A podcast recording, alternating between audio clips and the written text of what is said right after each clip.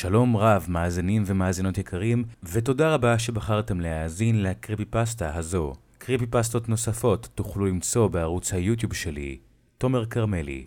האזנה נעימה. תגידו, אי פעם התחלתם לצאת עם מישהי והכל הלך קצת יותר מדי טוב, ואז אתם שוב ושוב מתחילים לדאוג ללא סיבה אפשרית? כאילו, אף אחד לא יכול להיות כל כך מושלם, וגם אם היא הייתה מושלמת, אז אין סיכוי שהיא הייתה אפילו מסתכלת עליי פעמיים. אבל היא הסתכלה. ההסבר ההגיוני היחיד הוא שהיא לא מושלמת כמו שהיא באמת נראית. ואולי אפילו יש לה סוד אפל. אולי היא לוקחת סמים קשים, או שונאת כלבים, או, או שפעם אחת היא הרגה מישהו עם עקב של נעל בהתקף זעם, אני לא יודע. אבל יש פתרון קל אם אתם רוצים לגלות מי היא באמת. פשוט צאו איתה לנסיעה ארוכה ומרגיעה. אם אתם עדיין ביחד בסוף הנסיעה, אז כנראה ששניכם נועדתם להיות ביחד. חברה שלי, אני אקרא לה אמילי, לא השם האמיתי שלה, חשבה איכשהו שזה יהיה רעיון טוב לנסוע ביחד 1,500 קילומטר ברחבי המדינה, אחרי שאנחנו יוצאים רק במשך חודשיים. אה, שנינו די עסוקים בעבודה ולא זוכים לבלות זמן רב ביחד, כך שבאופן טבעי להיות כלוא בתא כלא על גלגלים למשך יומיים הולך להיות שיפור. 150 קילומטרים ראשונים עוברים. בינתיים, הכל טוב. מחזיקים ידיים, בזמן שהיא שרה יחד עם הרדיו. היא צחקה צחוק בלתי נשלט לכמה שניות כשהיא גילתה שאני מכיר את כל המילים ל"טודו בום" של סטטיק ובן אל. תצחקו עליי, אבל זה שיר קליט. ואם הנסיעה שלנו הייתה נגמרת שם והיינו פשוט מסתובבים בחזרה הביתה, אולי היינו חיים חיים ארוכים ומאושרים יחד.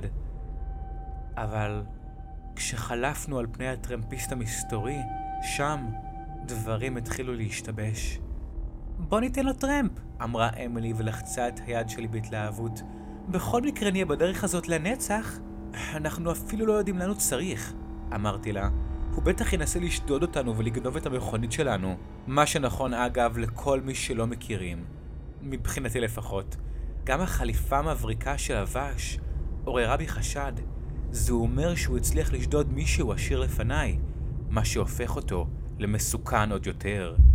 לבחור אפילו לא היה שלט או משהו, הוא פשוט ישב ליד צד הכביש המהיר, מנופף באצבעותיו כאילו הוא מכוון מטוס לנחיתה. זה היה התור שלי על ההגה, ופשוט חלפתי על פניו מבלי לעצור לו.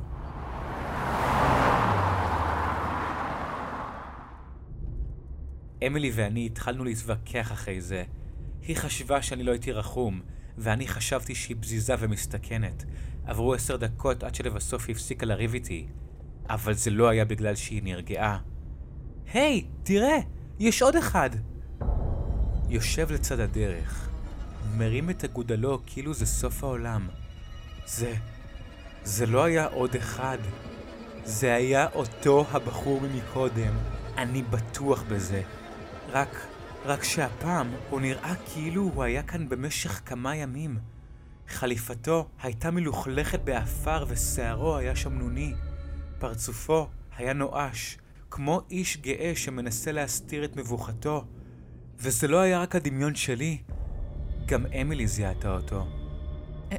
איך אתה חושב שהוא הגיע לכאן כל כך מהר? היא טעתה. אני לא יודע ולא אכפת לי, אמרתי.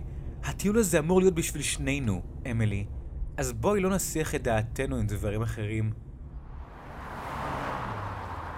המכונית שלי חלפה לידו והמשכתי לנסוע במסלול המקורי.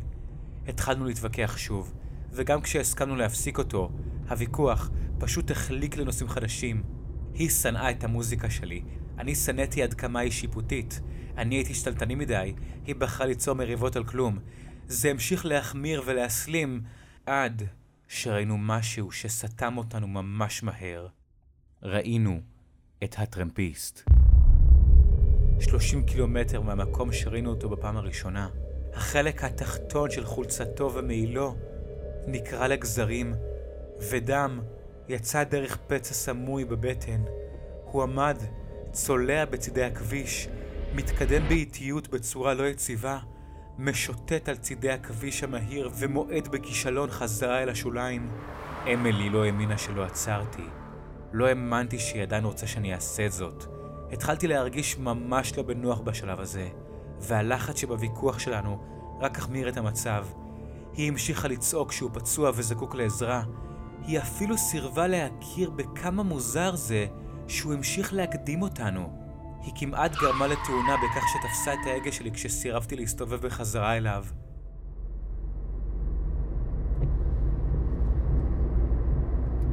במשך 80 הקילומטרים הבאים נסענו בשתיקה. הפעלתי מחדש את הרדיו, אבל היא ניתקה אותו מיד. אחרי כמה זמן,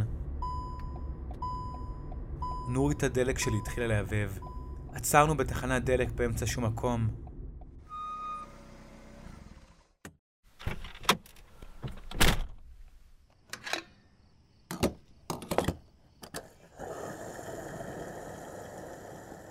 ובזמן שתדלקתי, הבחנתי בו שוב. הוא היה כמה מטרים מתחנת הדלק, על צד הדרך, בדשא. פניו היו לרצפה בצד הדרך. הפעם, החולצה והז'קט שלו נעלמו. גופו מלא שריטות ארוכות, עקובות מדם, שהיו מכתפיו עד לרגליו. כמעט כמו תפרים של דוב או משהו כזה, אמילי גם הבחינה בו. היא קפצה החוצה ורצה לעברו, וקרעה ברך ליד הגופה שלו. היא הרימה את מבטה אליי. היא זעמה והייתה מבולבלת. יכולתי להרגיש את המבט השורף והמאשים שלה חודר בתוכי. כאילו זו הייתה אשמתי איכשהו. הוא... הוא מת! היא אמרה ונעמדה. אני יכולה... אני יכולה להתקשר למשטרה? או שגם זה יותר מדי טרחה בשבילך? אני הנהנתי את ראשי בחיוב. פניי חסרות הבעה לחלוטין. מילאתי דלק בזמן שהיא המתינה ליד הגופה עד שהמשטרה הגיעה. הם שאלו אותנו כמה שאלות, אבל אמילי ואני לא הרגשנו בנוח להסביר שזו לא הפעם הראשונה שאנחנו רואים אותו. הם לקחו את הפרטים שלנו ונתנו לנו לחזור לדרך אחרי רבע שעה.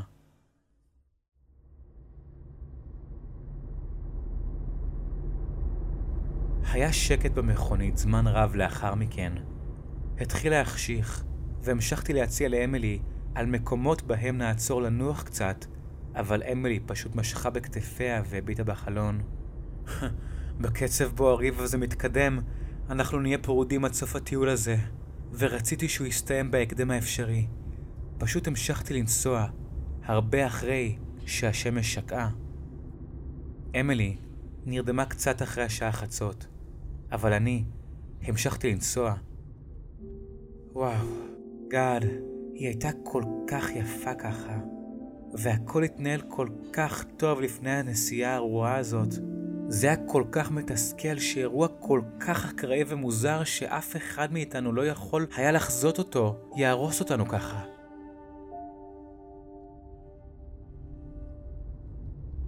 בסביבות השעה שתיים לפנות בוקר, כבר נהייתי ממש עייף. אבל החלטתי לא לוותר. אולי, אם היא תתעורר ותגלה שכבר הגענו ליעד, היא תעריך כמה קשה עבדתי למענה. אולי אז עדיין תהיה לנו הזדמנות לתקן את הדברים. ליטפתי את ידה והיא הדקה את היד שלה בשלי. פלירטטתי עם המחשבה שהכל יהיה בסדר. עד שהתעוררה והתחילה לצרוח. לא היה שום מקום בטוח לרדת מהכביש המהיר, אז לא הייתה לי ברירה אלא להמשיך לנסוע. ואז היא השתתקה ברגע. אבל עדיין, לקחו לה עשר שניות של נשימה היסטרית עד שיכלה להסביר מה קרה. מאחוריך! במושב האחורי! הצצתי לאחור, ואז חזרה לכביש, ואז שוב חזרה למושב האחורי.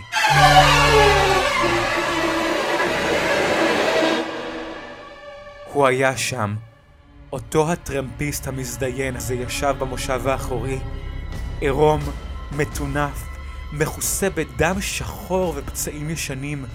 מרפקיו נחו על ברכיו, הוא רקן לעברנו.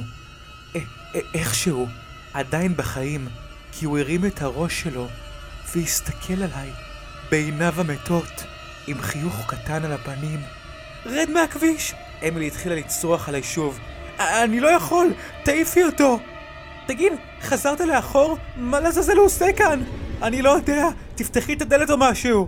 האטתי בהדרגה והפעלתי את הפנסים של המכונית שלי כדי להזהיר את המכונית שמאחוריי. לפתע, הטרמפיסט הושיט יד מאחורי אמילי ותפס את גרונה.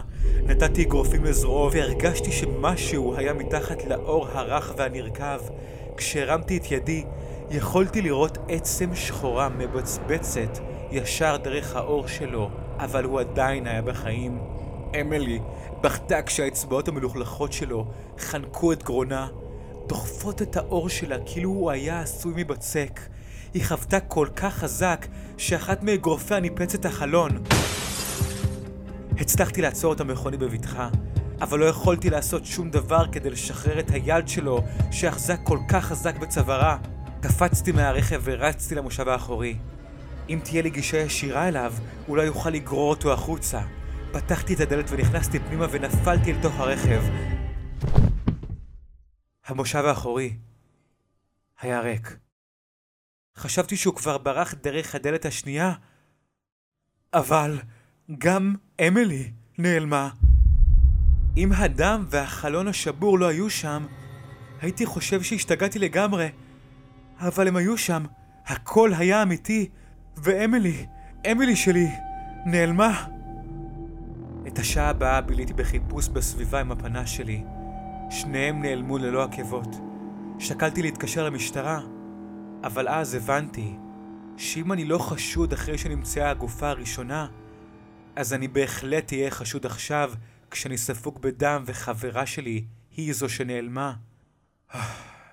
אני יודע שזה נשמע מוזר, אבל כל מה שיכולתי לעשות היה לחזור לכביש. לנהוג הביתה ולעולם לא לספר למישהו אחר מה קרה. זו הייתה התוכנית שלי. זה לא היה טוב, אבל זה כל מה שהיה לי. והייתי עושה את זה. הייתי חוזר הביתה, אם רק לא הייתי רואה אותה, אחרי בערך עשרים קילומטר, את אמילי, עומדת ומחייכת לצד הדרך. נקייה, בריאה, מנופפת באגודל בהתלהבות באוויר, עד ששפשפתי את עיניי וקלטתי שזו היא. כבר חלפתי על פניה. זה היה לפני כמה קילומטרים. אני לא יודע מה לעשות מכאן. אני ממשיך לנהוג. אם אני אראה אותה שוב, האם היא תהיה מוזנחת יותר? האם... האם כדאי לי לעצור ולקחת אותה? אם... אם זו בכלל אמילי אמיתית? או שפשוט להמשיך לנסוע ולקוות לטוב ביותר? מכונית חלפה מולי הרגע בכיוון הנגדי, אבל זו לא הייתה סתם מכונית, כי במושב הנהג ישב הטרמפיסט, נקי ושמח מתמיד. הוא חייך אליי בשבריר השנייה שראיתי אותו, ונסע לכיוון האחר, אל תוך הלילה.